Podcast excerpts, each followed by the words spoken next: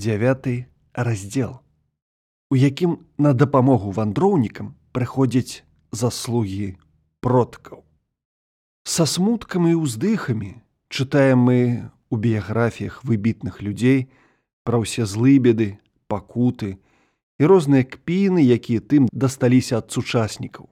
За ўсю працу і высілкі якія яны прыклалі цягнучы жылы на карысць чалавецтва.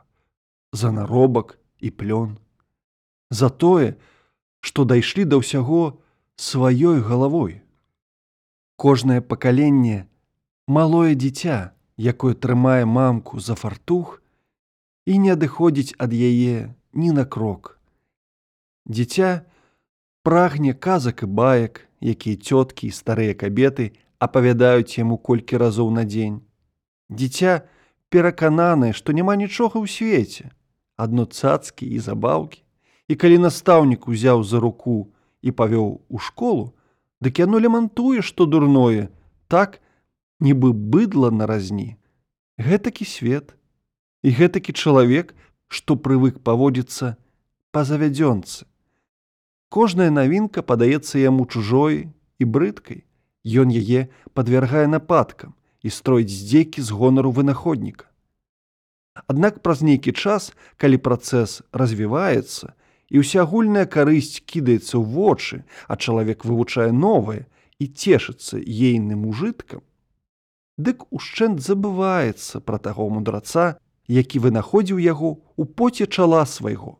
І гэта яшчэ добра, калі памянуць добрым словам ці паставіць на магіле помнік. Незлічоныя тысячы людзей жывуць сёння ў Амерыцы, лагодныя і вольныя, а той чалавек, калумб, дзякуючы чыйму розуму адкрылі гэтую краіну, жыў у галечы і памёр у журбе.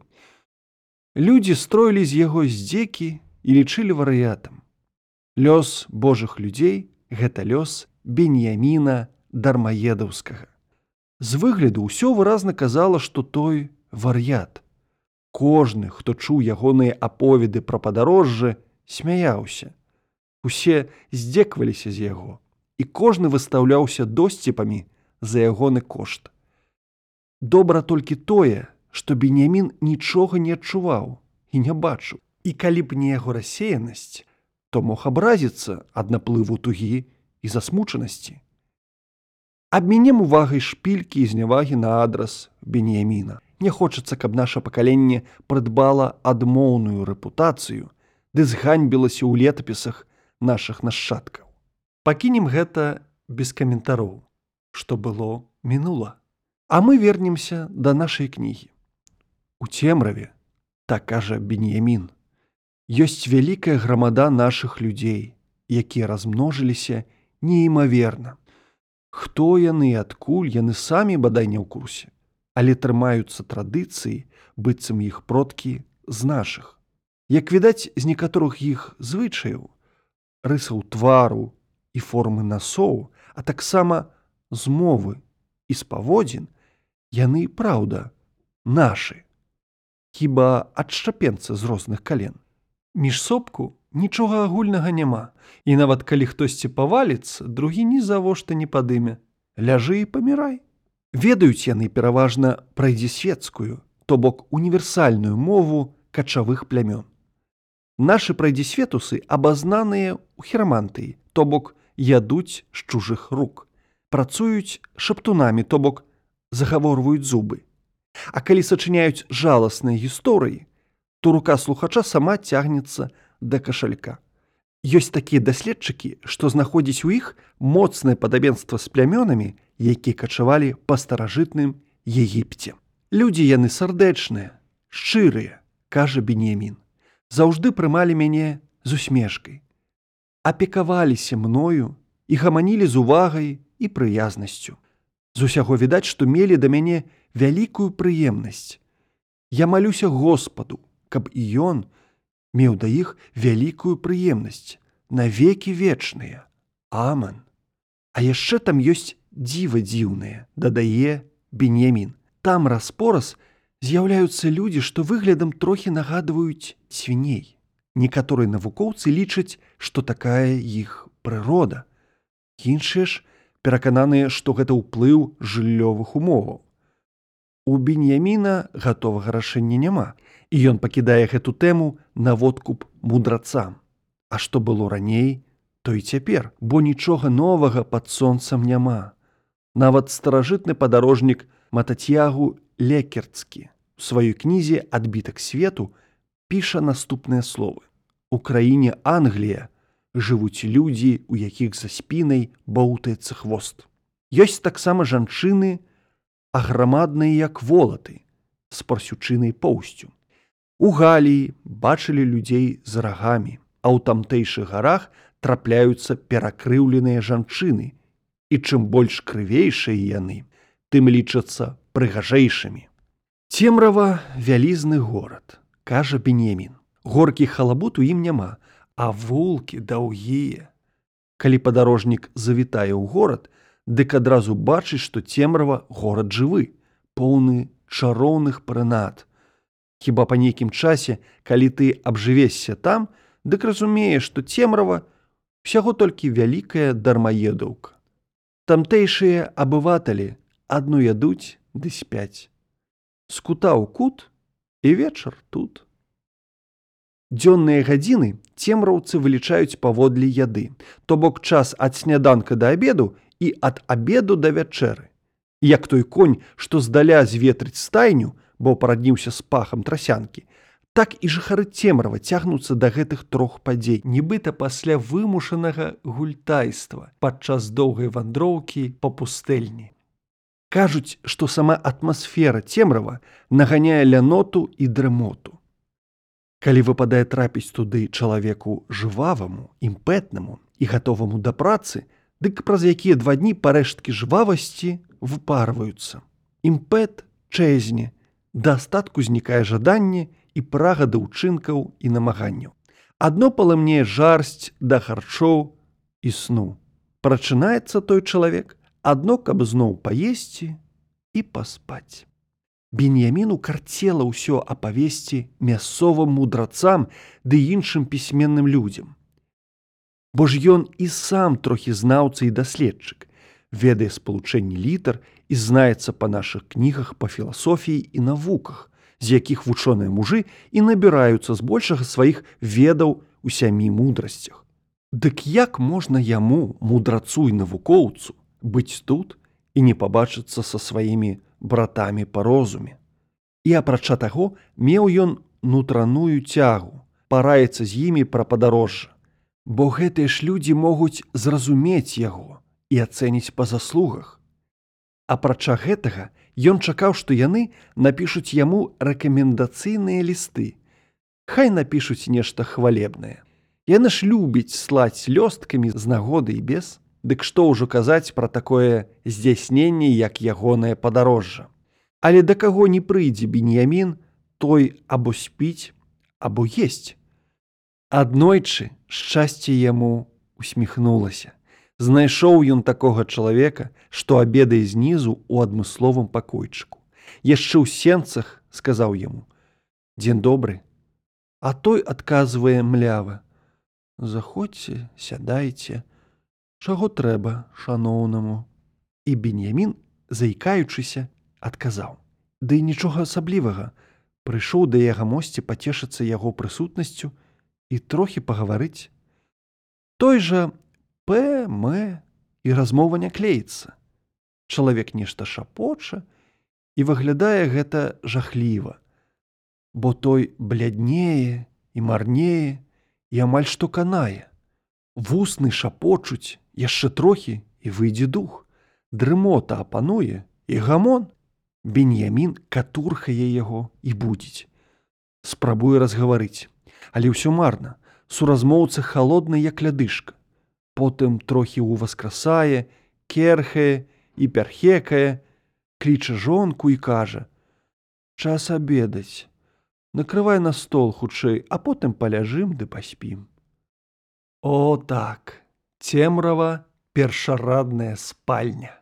Будзіцелі тут засынаюць, а светнікі зацямняюць вокны. Тут прыспаны гандаль і гандляры, і дзеячы і святары і суддзі. Як не катурхай як не ўдыхай дух у мёртвае цела не паварушыцца. Нават гасцям з іншых краёў запрошаным да вясельнага балдахіна ці якой іншай цырымоніі хутка адымае мову. Позірк робіцца шклісты. Госць пазяхае або як сава казеліць вочы ці водзіць носам карасёў. Толькі калі на стол збіраюць вячэру цемраўцы пачынаюць падаваць азнакі жыцця. Імпэтна бласлаўляюць ежу і спрытна трушчаць. Пад'еўшы выслізгваюць дадому да хаты дзе дапоўшчы да ложка засынаюць. Беньямін ступіў быў на гэты зыбкі шлях і пачаў ужо ўвальвацца ў спячку калі б не адно ўзрушэнне здарылася падзея што на яго шчасце і на шчасце ўсяго свету сарвала яго з месца нібы віхура. Ненавісць іцыка прастака да беньяміна мацнела дзень пры дні. Апошнія дні так скокнула, ажно іцык пачаў абражаць і зневажаць беньяміна на людзях, праехаўся па самым балючым, па падарожжах. Ад ніколі беньямін не дапне самбацьёна, хутчэй вырастуць валасы на яго далоні не пабачыць ён ізраільцаў тварам чырвоных як сваіх вушэй. Але беньямін не зважаў на іцкавы словы. Сам сабе нагадваў, што ёсць творца свету, які ўсё трымае на асабістым кантролі, ды ніколі не кіне таго, хто на яго слепа палагаецца. У сэрцы беньяміна мацнела перакананасць, што насуперак злоснікам ды іх нападкам ён усё ж прыйдзе ў жаданы край. Калі ж сілы цярпець здзекі не заставалася, дык з ягонага рота вылятала пякельная мяшанка слоў: Левіатан, саламонавы чарвяк, вярблюд, караван, маўляў, гляньце, я ўжо не тут, а там. У такім выпадку іцык сплёўваў тройчы і казаў: « Але шаленец, лекар па ім плача. Іцык так часта лае ў беняміна, ажно дабіўся таго, што імя яго трапіла гараджанам на язык. Як толькі бачылі беняміна падлеткі на вуліцы, дык адразу мылі з дзекамі, беглі за ім, як за гарадскім вар'ятам. Радасна шпурлялі ўслед каменне ды словы: Левятан, саламонавы чарвяк. Калі аднойчы пахаджаў бенемін сэндерлам па вулках горада, наляцела на яго хеўра малых падшыванцаў. Даймалі, даймалі, ажно нашы вандроўнікі далі драла адтуль праз завулкі і цёмныя завуголлі. Беглі устурбаваныя.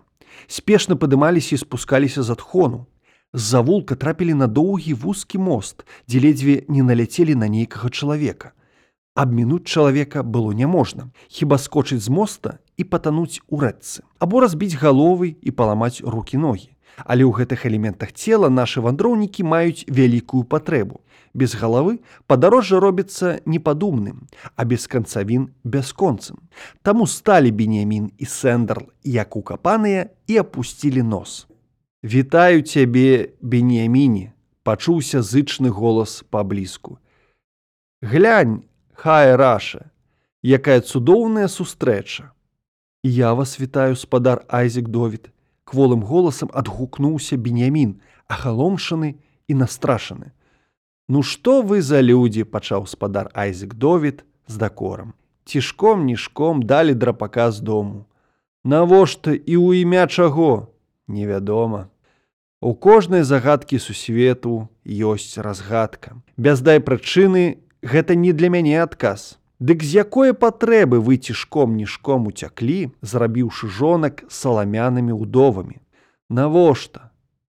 Ты, сэндерле, не хавайся там за беньямінам. Вось і жонка твоя тут.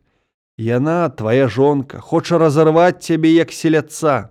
Нешта такое адчувала, бо схацела пайсці менавіта сюды і менавіта са мной. Ой, ён тут. Чуецца голас жонкі, што выбягае з-за яго спіны і раздратавана грчыць. Сэндерл з голасу пазнаў сваю мігеру і ўсім целам скалануўся. Твар пабялеў як крэйда, а душа ад раптоўнага страху просіцца вонкі. Так і стаяў ён працяты дрыготкай. Узмакрэлы, аберуч трымаючыся за фалды беньяміна, каб не зваліцца з моста. Жывы ўяўляў, як яна зараз працягне свае руки і ўчэпіцца за пейсы і бараду ды ўгрэе поўху. Гляньце вы на гэтых красуноў, Ох, як жа мне хочацца расціснуць іх у абдымках. Як тут мой муж, ці цэлы, Дайце дайце я пералічу яго рэбры. Так галасіла жонка Сэндерла, узлавана пхаючы спадара Айзека Довіда. Ой, не крычы ты як нанятая, намагаўся спадар Айзек Довід яе супакоіць. Пры жывым мужу больш не будзеш удавой. Нашто лішні лямант? І дадаў: трэба зазначыць: жонка ад прыроды жонка. Часам выглядае, што ў яе ёсць глузды але яна ўсяго толькі жонка. Каб мужчына раптам устаў і сышоў, прычына мусіць быць. І як не адна, дык іншая. Чаму і ў імя чаго? Але што зроблена, то зроблена, і яго ўжо не пераробіш, А таму паўстае пытанне: навошта тут яшчэ крычаць? Урэшце, за што мы б'емся? За пусты мех. А з гэтага крыку выснова жонка пры ўсёй да яе павазе сяго толькі жонка. Гэтыя словы былі толькі ўступам для спадара Айзека Довіда. І пасля такога ўступу меркаваў ён разгарнуць свой аратарскі талент на поўніцу, падысці да прадмета дыскусій з аднаго боку, а потым паглядзець на ўсё з другога. І падсаладзіць вадзічкай, каб адцяніць сэнс і моц аргументацыі. Але па мосце тут сюд гойсалі мінакі і бачылі ўсю сцэну у невыгодным святле, маўляў, вось нашы людзі страйкуюць сабе пасярод грамадскай прасторы, стаяць сабе балбочуць, што сліна да зубоў прынесла, ды затрымліваюць іншых. Мост быў нагэтулькі вузкі, што двум чалавекам няможна было разбегчыся, і аднаму трэба было чакаць, пакуль не пяройдзе другім і таму змушаныя былі жонка сэндерла і спадар айзік довід вярнуцца ў той канец моста адкуль прыйшлі а сэндерл і беньямін вярнуліся на другі канец бо людзі сталі хадзіць цугам сэндерле што мы стаім і каго чакаем пачаў беньямін калі вярнуўся да цвярозай развагі стаім топчамся што дзеці малыя якім падчас гульні запхнулі ў рот адзін канец вяроўкі, а другі канец прывязалі да ножкі стала, сказаўшы, маўляў, што яны палонныя, ды ім нельга нікуды ўцякаць. Добрыя дурні. Зараз самы час вырвацца. Трапна кажаш, каб я так жыў, радасна адгукнуўся Сэндерл. Трэба ўцякаць з пасткі. Хутчэй, хутчэй бенеміне, калі не хочаш трапіць ім у лапы. Гэта не мост, а заслугі нашых продкаў расцяліліся тут адмыслова, каб нас уратаваць. І нашы вандроўнікі, не марудзячы, узялі лахі пад пахі і ну драпака. Пра хвастатых сыноў Англіі. Нават старажытны падарожнік матацягу лекерцкі піша: У краіне Англія жывуць людзі, у якіх за спінай боўтаецца хвост. Усё трохі складаней. Берасцейскі рабін і падарожнік матацягу бен шлёма лекерцкі у 16 стагоддзі напісаў брашуру на іўрыце цэльга олем адбітак свету якая хутка зрабілася бестселлерам. У кнізе аўтар папулярна адказаў на пытанні якія тады хвалявалі грамадскасць. Чаму ў моры салёная вода якая адлегласць адсюль дазор як збоку выглядае зямля і господ правільны адказ Господ Бог абвівае зямлю як бялок жаўток. Адбітак свету на абшарах вялікага княства на іўрыце друкавалі і перадрукоўвалі, а адна з прычын поспеху брашуры палягала ў тым, што праца берасцейскага рабіна была скарочаным перакладам іншай вядомай кнігі 1481 года англійскага навукоўца Уильяма Кэкстона Mirror of the World берасцейскі рабін не толькі скараціў арыгінал, але і абмінуў некаторыя тэалагічныя разыходжанні з хрысціянствам. Далей надалей праца Кэкстона таксама была перакладам кнігі. Французскага навукоўца Гацье з Мэцу Эмеш Дюмонде 1245. -го. У ёй, акрамя адказаў на важныя пытанні, аўтар апісаў асноўныя нацыі Еўропы. Дык вось, англічанін Кэкстон, перакладаючы француза, у сваю чаргу абмінуў увагай той радок арыгінала, у якім сцвярджалася, што сыны Англіі маюць хвасты. Знакам тым, нашы дармаедаўцы былі знаёмыя не толькі з іўрыцкім перакладам, але і старафранцузскім арыгіналам. Пра даўнейшае падарожжа вандроўнікаў з Беларусі чытаць яшчэ перагранацыя або паломніцтва ясна асветленага князя ягамосці Мікалая Крыштофа Радзівіла ў святую зямлю. З кнігі жыцій і хаджэнняў. Пераклад з польскай Сергея Шупы.